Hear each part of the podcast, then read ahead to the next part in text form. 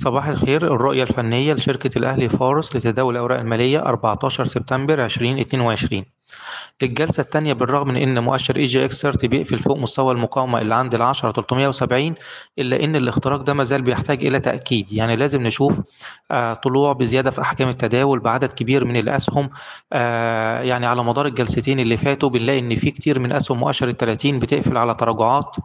عشان كده الاختراق ده مازال آه محتاج لتأكيد. كتير من الأسهم وصلت لمستهدفاتها السعرية عشان كده إحنا بننصح بجني الأرباح في الأسهم اللي وصلت للمستهدفات السعرية وتخفيف مراكز الشراء بالهامش بحيث إن لما يحصل تراجع وأي تراجع بيحصل من المستويات الحالية هو رد فعل طبيعي للطلعة من مستوى ال 8 500 لحد قرب ال 10 400 فالتراجعات هتبقى رد فعل طبيعي جدا للطلعة دي غير إن إحنا بننزل من عند مستوى مقاومة هام في الوقت اللي معظم الأسهم والمؤشرات وصلت للمستهدفات بتاعتها.